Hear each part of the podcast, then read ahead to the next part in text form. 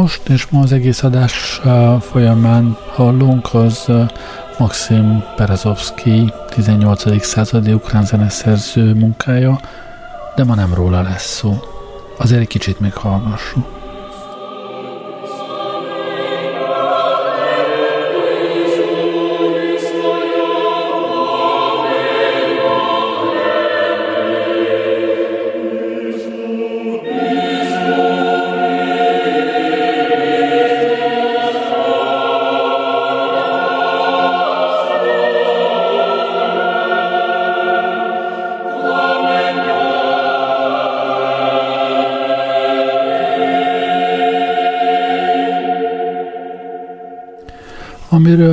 Ma szó lesz, egyetlen szóval kifejezve, az a holodomor, ami hát egy ukrán szó, és az szó összetétel jelentése nagyjából annyi, hogy éheztetés által való gyilkosság.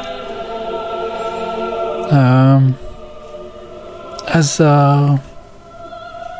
az 1932-33-as évekhez kötődik, amikor Ukrajnában, hát óvatos beslések szerint két és fél, 4 millió, durvább beslések szerint 10 millió ember halt éhen.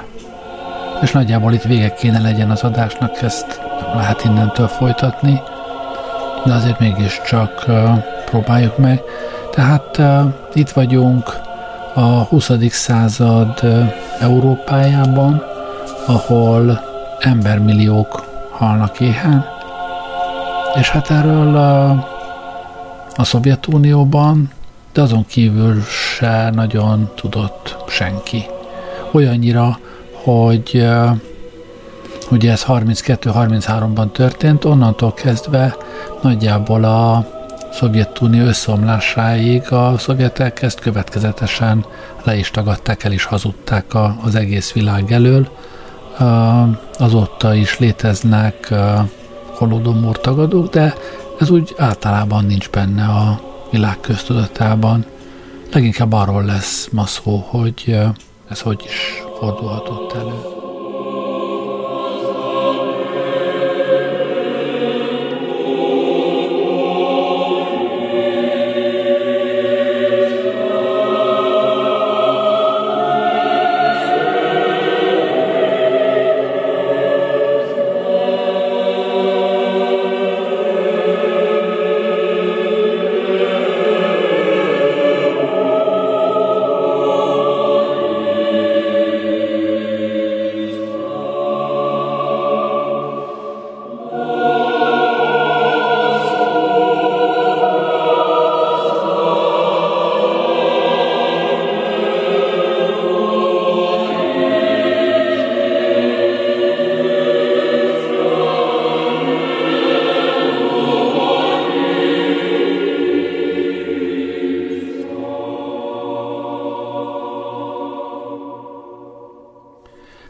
Mielőtt nagyon arról beszélnénk, hogy miért nem tudta ezt senki, egy kicsit nézzük már meg azt, hogy hogy is történt ez a holodomor, mi volt ennek az oka, hogy fordulhatott elő egyáltalán, hogy milliók haltak éhen, méghozzá éppen ott, ami Európa éléskamrája ezzel a szép közhelyen élve, a, a nagy ukrán uh, búzamezők és a Fekete Föld területén, tehát ahol, ahol máig is hihetetlen mennyiségű élelmiszert termelnek.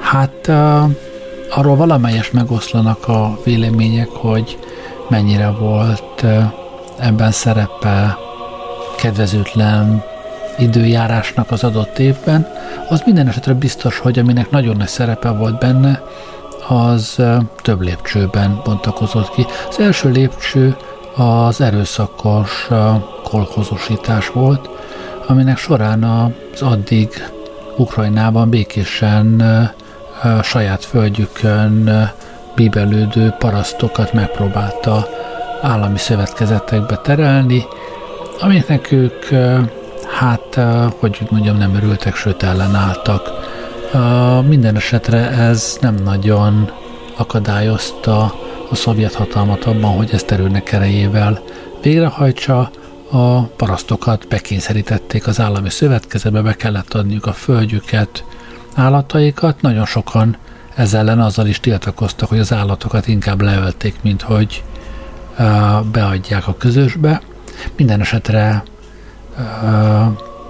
Ukrajnában jelentősen szembeszegültek a központi szovjet uralmával.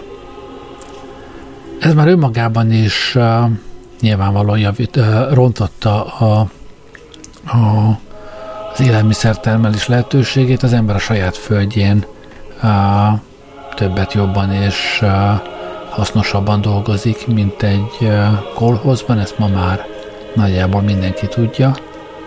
De itt nem állt meg a kolhozosítás, főleg mivel volt ez, a, ez az ellenállás, a második lépcsőben a Szovjetunióban is előkerült a kulálkozás, tehát névleg mindenkit, aki gazdag paraszt volt korábban, ami akár azt is jelentette, hogy nem egy tehene volt, hanem kettő, de gyakorlatilag leginkább azokat, akik ellenálltak a, a TSS-ítésnek, azokat kuláknak kiáltották ki, és amellett, hogy elkobozták a vagyonukat, többnyire le is csukták őket, elvitték a, a gulágra, a Szibériába, a, vagy bárhova, csak ott Ukrajnában ne rontsák a, a levegőt, és ne álljanak ellen a kolhozosításnak.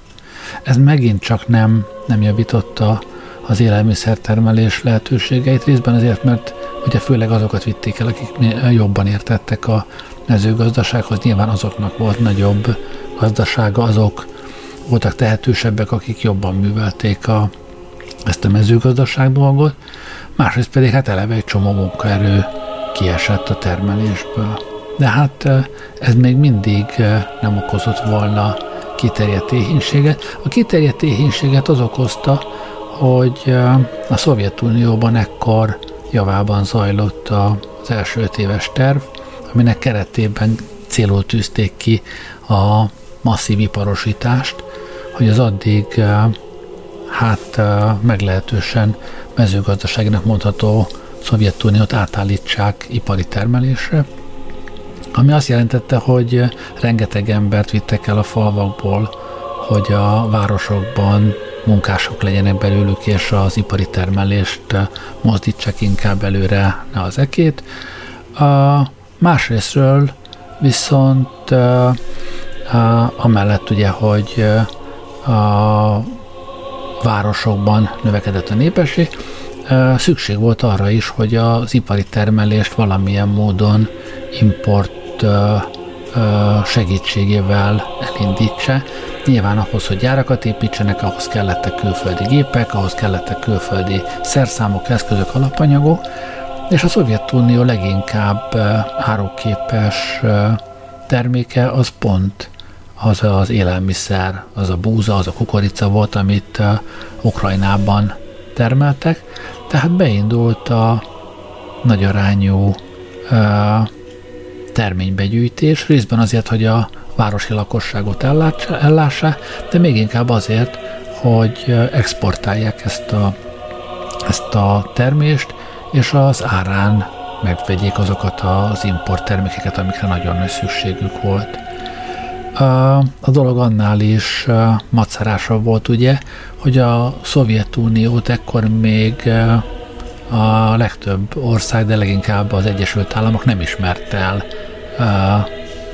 legális hatalomként. Ugye ott a 17-ben a cári rezsim meg, megdöntésével indult el a Szovjetunió, és hát ez gyakran előfordul, hogy bizonyos országok nem ismerik el a regnáló kormányt egy jó darabig, hogyha az nekik nem tetszik. Az Egyesült Államok pont ezt tette, nem ismerte el a Szovjetunió kormányzatát legálisnak, nem tartott fenn vele diplomáciai kapcsolatot, a kereskedelmet is nehezítették, tehát a Szovjetuniónak meglehetősen nehéz volt, és igencsak sokat kellett fizetnie az importáróért. Úgyhogy ha valamit el akartak érni, annak az egyetlen lehetséges módja volt, hogy hihetetlen mennyiségű terményt kellett az iparcikkekért adniuk, és ezt is tették.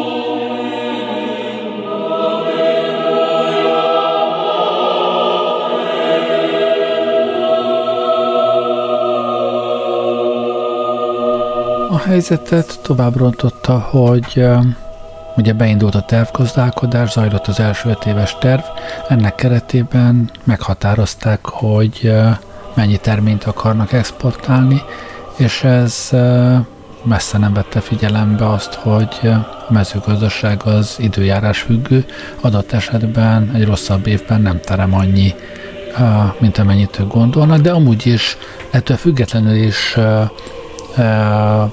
túlzottak voltak ezek a tervek, sokkal többet akartak exportálni, hogy tudjanak előképpen importálni iparcikkeket, sokkal többet akartak exportálni, mint amennyire lehetőség lett volna, úgyhogy eh, a falvak egyszerűen képtelenek voltak teljesíteni a számukra uh, kirótt uh, terményt, amennyit le kellett volna adniuk, és ekkor jöttek a padlássöprő bizottságok, ekkor jöttek azok a karhatalmi erők, amik kiszálltak az egyes falvakba, és hát erőnek erejével kezdték el begyűjteni a termést, ami azt jelentette, hogy nem csak a többlettermést szedték be, tehát azt, ami, amivel több termett egy adott faluban, mint amennyi az adott falu ellátásához kellett volna, hanem beszedték azt is, ami az adott falu saját céljaira, saját étkezéséhez kellett volna, sőt, begyűjtötték a jövő évi vetéshez félretett vetőmagot is, mert egyszer elő volt írva, hogy mennyi gabonát kell beszolgáltatni, akkor az első feladat az, hogy azt be kell szolgáltatni, és ezek után nem marad semmi, hát annál rosszabb a falunak. Sőt, ez odáig ment, hogyha az összes termés begyűjtése után sem volt még meg a beszolgáltatási terv, akkor a falut fekete listára tették, ami azt jelentette, hogy az adott faluban betiltottak mindenféle kereskedelmet, tehát akinek még lett volna uh, valami fajta iparcikke, vagy, vagy pénze, vagy bármilyen, amiből vehetett volna magának élelmiszert, az sem tudott vásárolni magának élelmiszert, mert hogy fekete listán volt az egész falu. Uh, másrésztről uh, ilyenkor a, az elkobzással is tovább mentek, nem csak a termény gyűjtötték be, hanem uh, uh, iparcikkeket, uh, sőt nyersanyagokat, uh, a szenet, uh, tüzelőolajat, ilyesmit is begyűjtötték, ami azt jelentette, hogy ha valakinek még lett volna is eldugva némi uh, élelmiszere, az nem tudta elkészíteni, megfőzni, mert hogy a, az ehhez szükséges tüzelőanyagok uh, eltűntek. Ezek a padlássöprő karhatalmasták pedig uh, a szó szerint átkutatták a, a házakat, uh, uh, minden rejtett helyet felderítette, és emellett ugye törvényt hoztak arról, hogy akinél élelmiszert találnak, vagy aki élelmiszert lop, vagy aki bármilyen módon próbál ebből az éhénységből kikerülni, azok uh, hány év börtönre, vagy, uh, vagy milyen vagyonálkobzásra számíthatnak.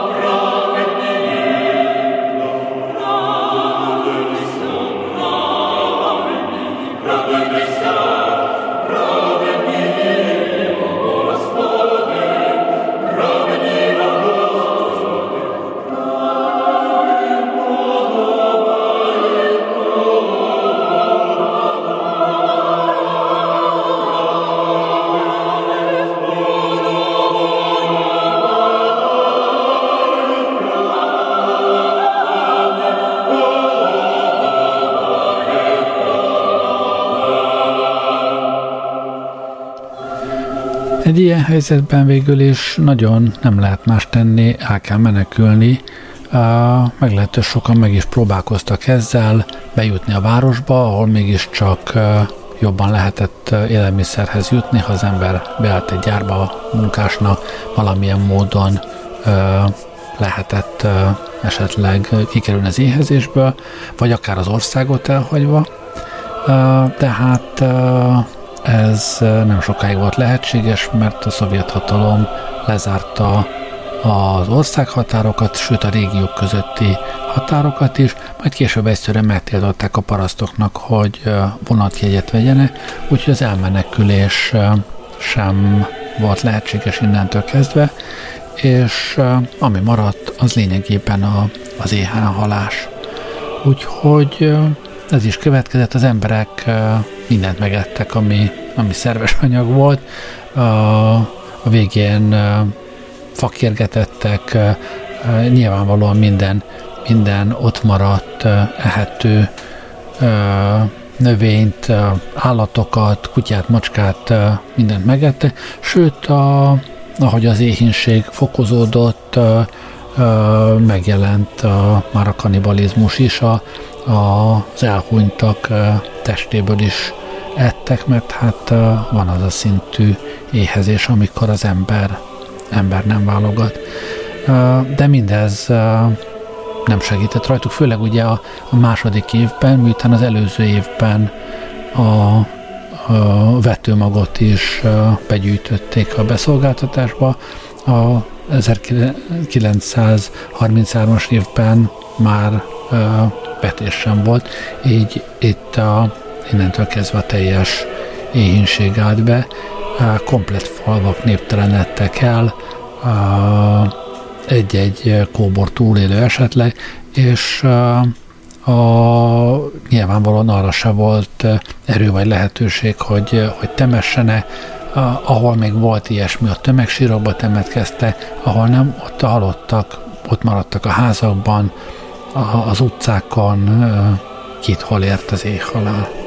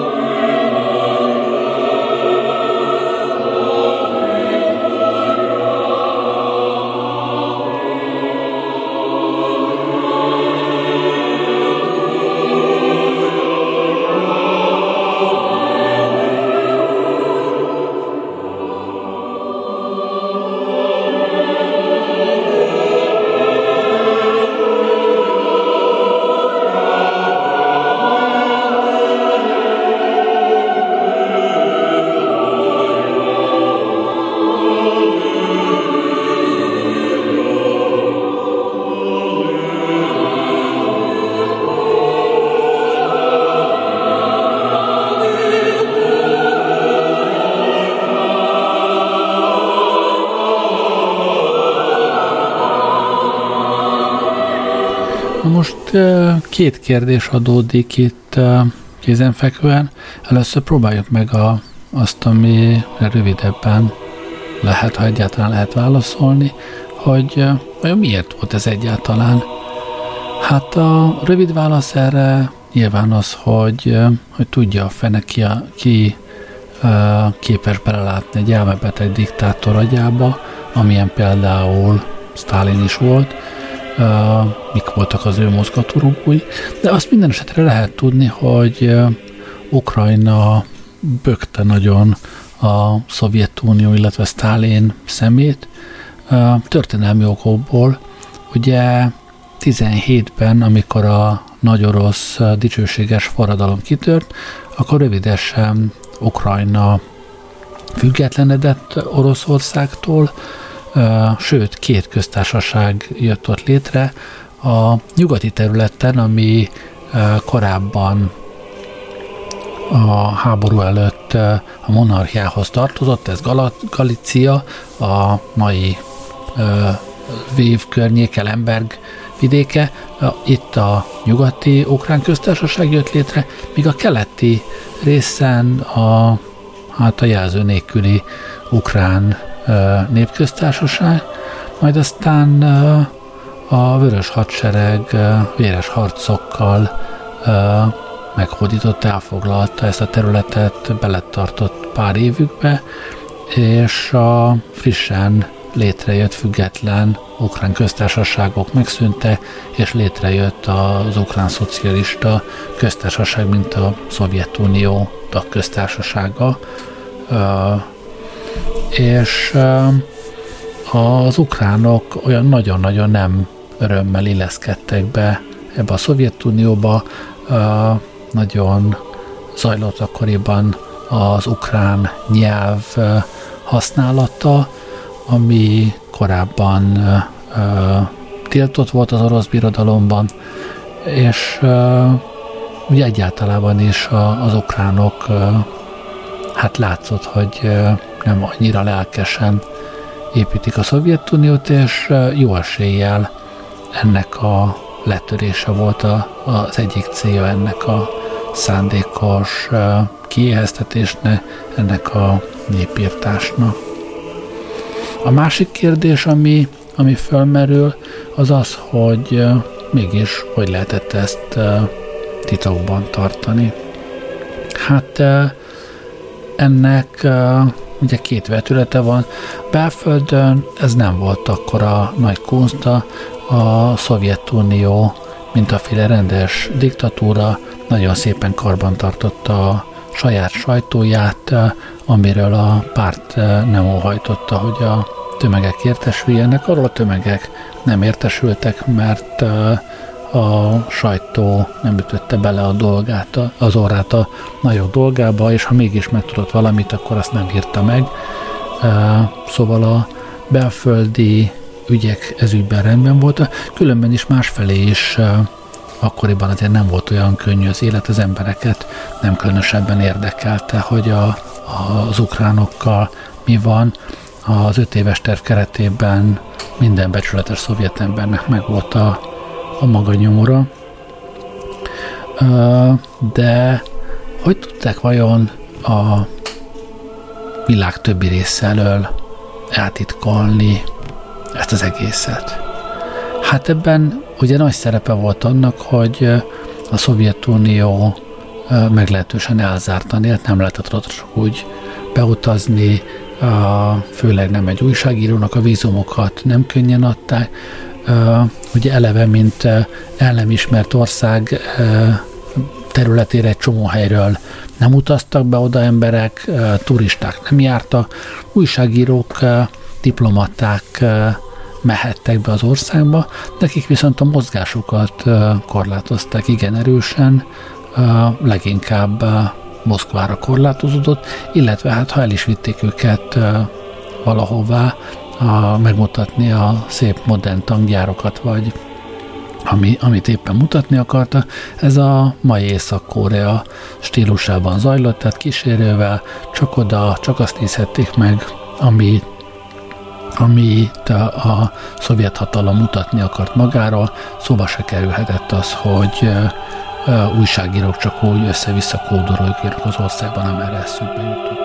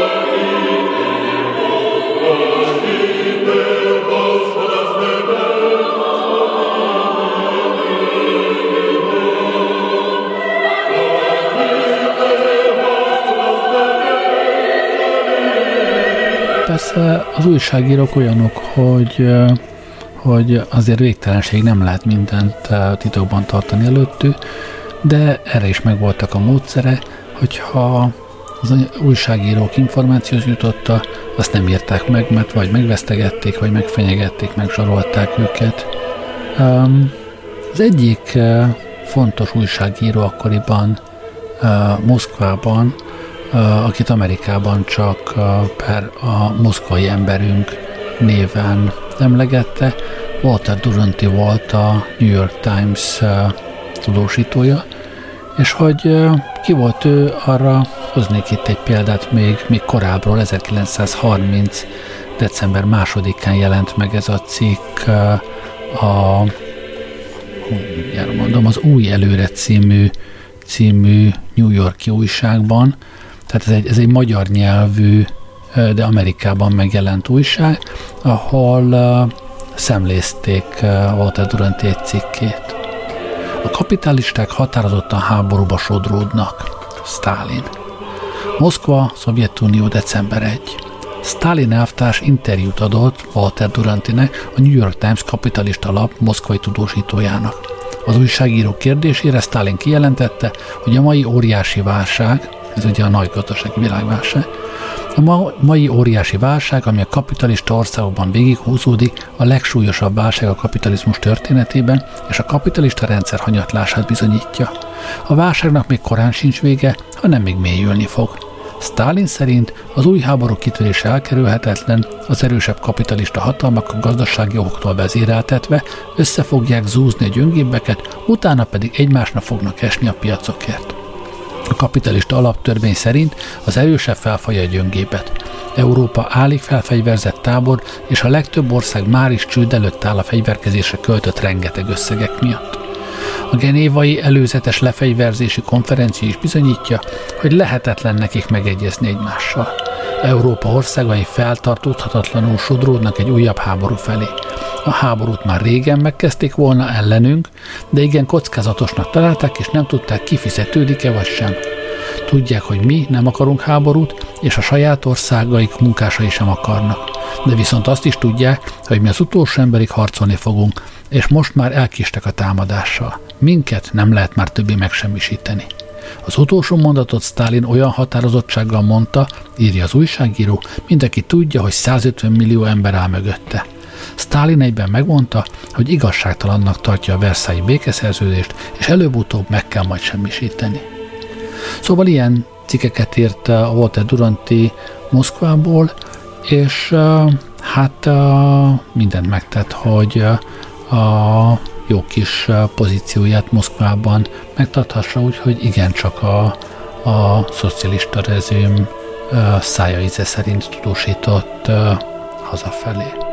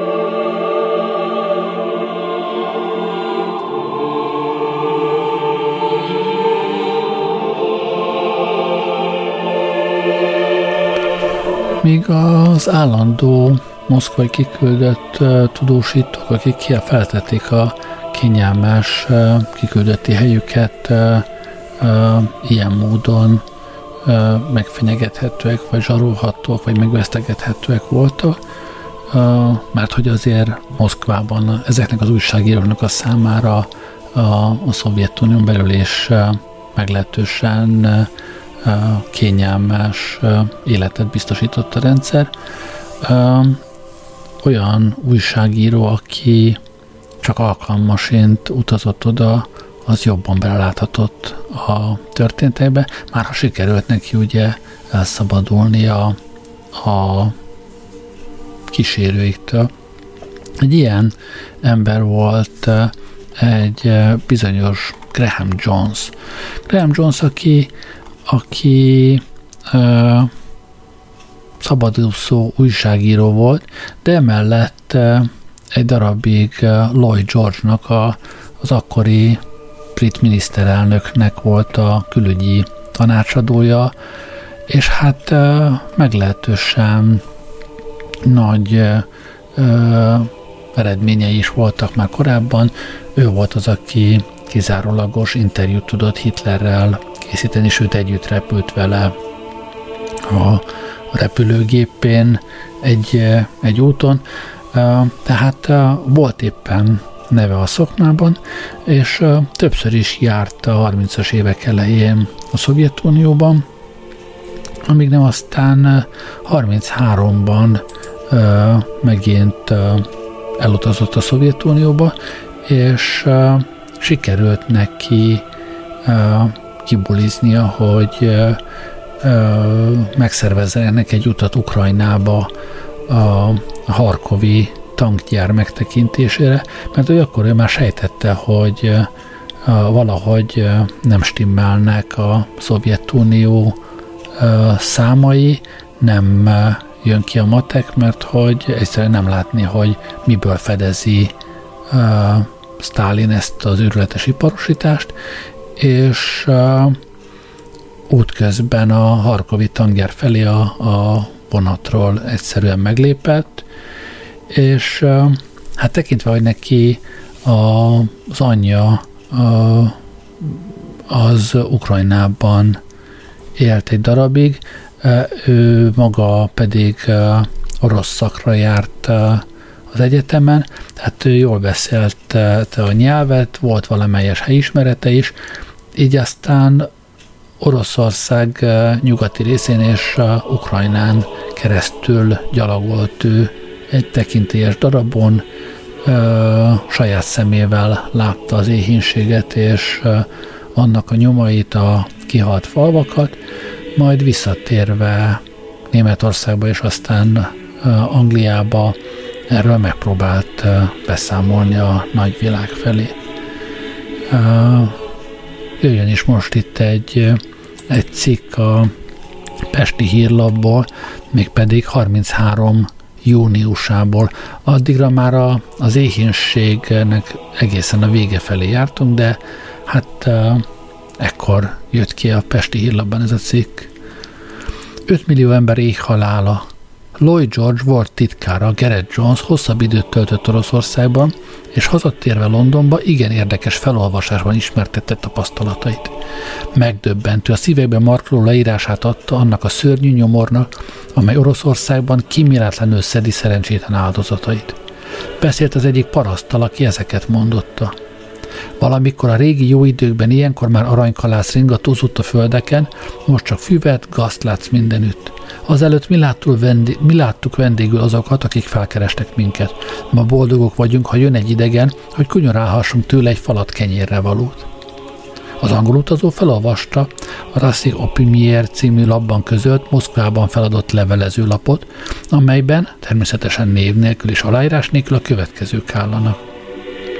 Kedves barátaim, add tudtára mindazoknak, akik ismernek, hogy nagy nyomorúságban színlődöm.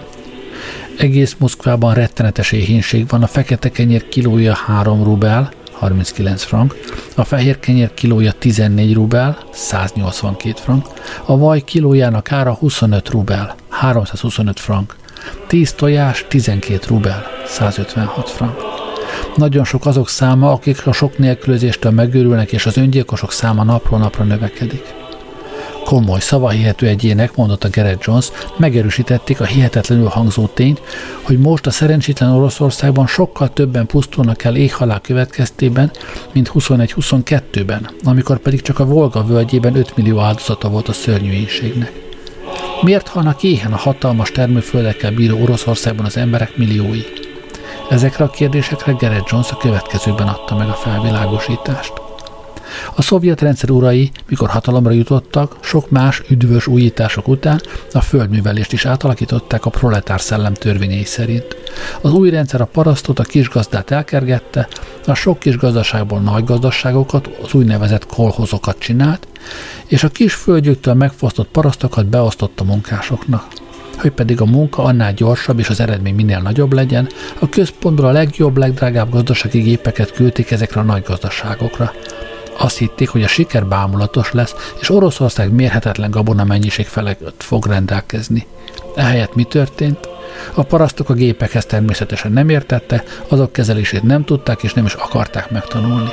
A drága gépek folyton elromlottak, eltörtek, és nem igen volt, aki megjavításukhoz értett volna.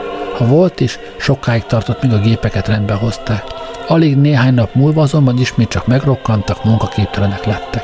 Mi lett a vége?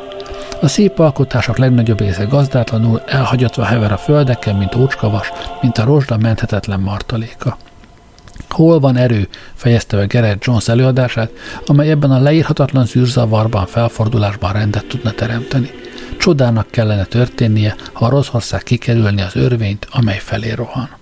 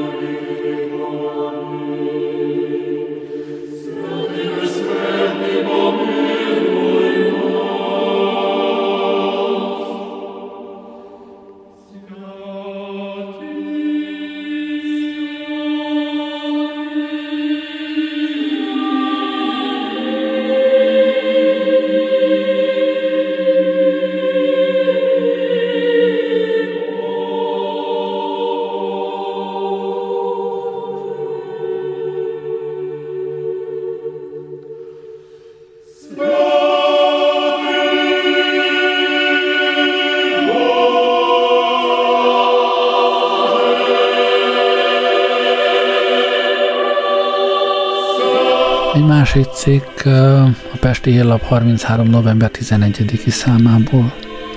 Éhínség Oroszországban. A Monde Slave legújabb száma megcáfolhatatlan adatok alapján elrettentő képet fest a mai Oroszországban duló éhínségről. Kétségtelen, hogy Oroszországban 1933-ban, különösen a délvidéken az emberek milliói és milliói éheznek. Mi ennek a bizonyítéka? Levelek, melyeket oroszok írtak. Ezeknek egyike másika orosz lapokban is megjelent.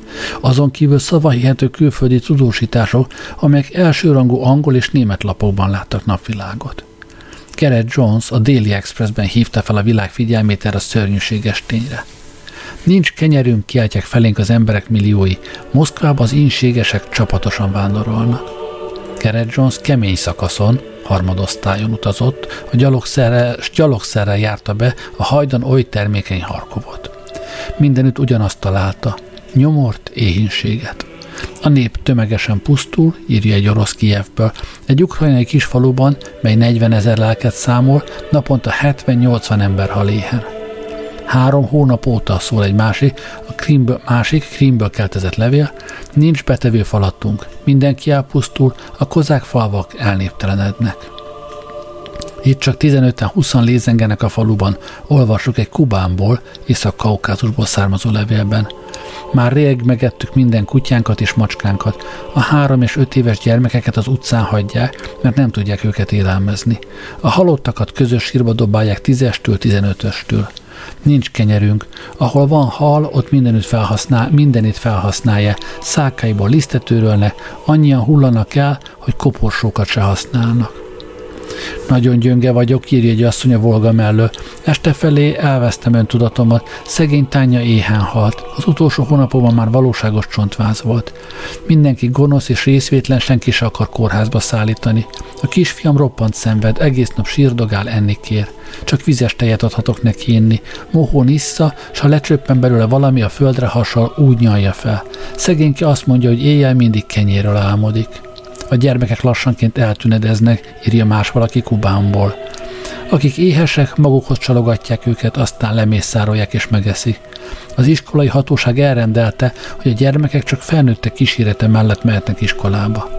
Undorító leírni, de mi már csak döglött állatok hulláiból táplálkozunk. Egy mellettünk levő faluból a szülők küldöttségileg keresték fel a hatóságot, és engedélyt kértek arra, hogy halott gyermekeiket megehessék. Szóval uh, Oroszország más részein sem volt uh, nagyobb boldogság, de Ukrajna kapta a legkeményebb adagot ebből.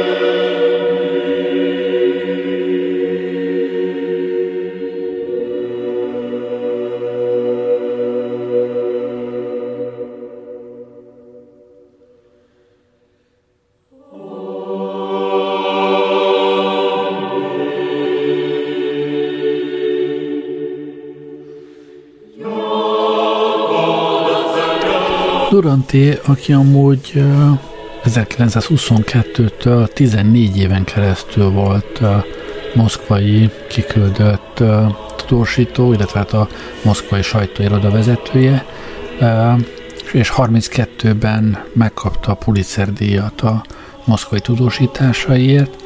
Tehát uh, uh, Duranté kiállt uh, a Szovjetunió mellett, és uh, cáfoló cikket írt, nevetségessé tette Garrett Jones-t, és meghazudtolta az állításait, azt állította, hogy igen, igen, sokan nem laknak jól a Szovjetunióban, de hát azt állítani, hogy éhezés lenne, éhínség lenne, az mindenképpen túlzás bár privát beszélgetésben ő maga is elismerte, hogy, hogy túl az éhínség, de a cikkeiben nem ezt írta. Um, egyébként máig se vonták vissza a Pulitzer díját, bár sokan felvetették már, hogy talán időszerű lenne, ha egyszer nem a valóságot tudósította, hanem azt, amit a szovjet rezsim diktált neki. De aztán uh, Garrett Jonesnak csak sikerült, uh, uh, hanem uh, Angliában, akkor Amerikában uh, megjelentetni az ezzel kapcsolatos cikkeit, és így végül is a világ számára is uh, tudott lehet, hogy mi zajlik uh, Ukrajnában, illetve hát Oroszországban is. Duranti amúgy uh, jelentős szerepet vállalt abban is, hogy az Egyesült Államok végül is elismerte a Szovjetuniót, mint országot, illetve hát a, a szovjet kormányzatot.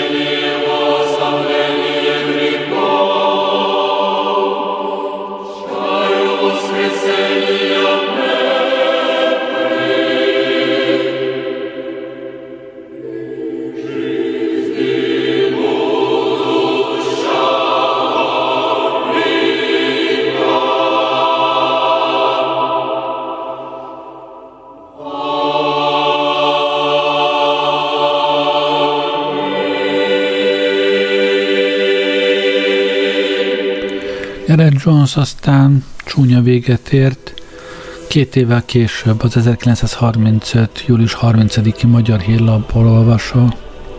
Lloyd George volt titkárát kínai rablók elhurcolták. Társaságában volt a német távirati munkatársa is, és kettejükért 100 ezer dollár váltságdíjat és 200 Mauser puskát követelnek. Pekingből jelentik. Garrett Jones angol és Herbert Müller német újságírókat, akik Pekingből gépkocsin a mongóliai Dolonorba mente, útközben Kalgantól észak-keletre, Pancson közelében egy kínai zsiványbanda fogságba ejtette. A kocsi orosz vezetőjét is elfogták, de azután szabadon bocsátották. Az orosz vezetőt egyébként érdemes megjegyezni, bizonyos rossz nyelvek szerint egyáltalán nem kizárt, hogy a, a szovjet titkos rendőrség embere volt. Kalgamba várják a kocsi vezetőt, hogy tőle megtudják a részleteket. Herbert Müller, német újságíró, német táviratiroda munkatársa. A Buckingi Reuters jelentés szerint Garrett Jones, akit a csiványok fogságba ejtettek, régebben Lloyd George titkára volt, és jelenleg Kínában, mint hírlaptudósító tartózkodik. Jones néhány héttel ezelőtt érkezett Kínába, és néhány napja kereste föl belső Mongóliát. Herbert Müller német hírlapíró társaságában igyekezett Mongóliába, aki kitűnően beszéli a kínai nyelvet. Útközben olyan vidéken kellett áthaladnia, amelyben bizonytalan állapotok vannak, amióta a japán kívánságára a kínai csapatok onnan nemrégiben kivonultak. A Pao Chang közelében elrabolt újságíró gépkocsi vezetője későbbi jelentés szerint megérkezett Pekingbe, és előadta, hogy a támadó zsiványbanda több lövést adott le a gépkocsira, és a lövések eltalálták a kocsi motorját is. A támadók megkötözték Jones és Müller újságírókat, és úgy hurcolták el őket. A rablók elbocsátott katonák. Fogjaik váltságdíjához 100 ezer dolláron kívül 200 Mauser puskát is követelnek. A banditák üldözésére, akik a két laptudósítót elrabolták, 300 kínai csendőr indult útnak. De hát hiába, mert aztán augusztus uh, 17-i uh, budapesti hírlapból olvasom. Kínai rablók megölték Lloyd George volt titkárát. A Reuters iroda pekingi jelentése arról számol be, hogy a kínai banditák megölték Gerett Jones angol újságírót, Lloyd George volt titkárát, akit néhány héttel ezelőtt Müller doktor német újságíróval együtt elraboltak. Gerett Jones holttestét Paucsan közelében találták meg kínai csapatok, amelyeket a rablók felkutatására küldtek ki. Lloyd George volt titkárát három pisztolylövésre ölték meg, és azt hiszi, hogy a halál még hétfőn bekövetkezett. A kínai sóvám hivatal tisztviselői Pao Changhai-ben beszállították Jones holttestét. Bla bla bla bla. A lényeg az, hogy, hogy megölték, nem kizárt, hogy a szovjet titkos rendőrség közreműködésével 29 éves volt akkor.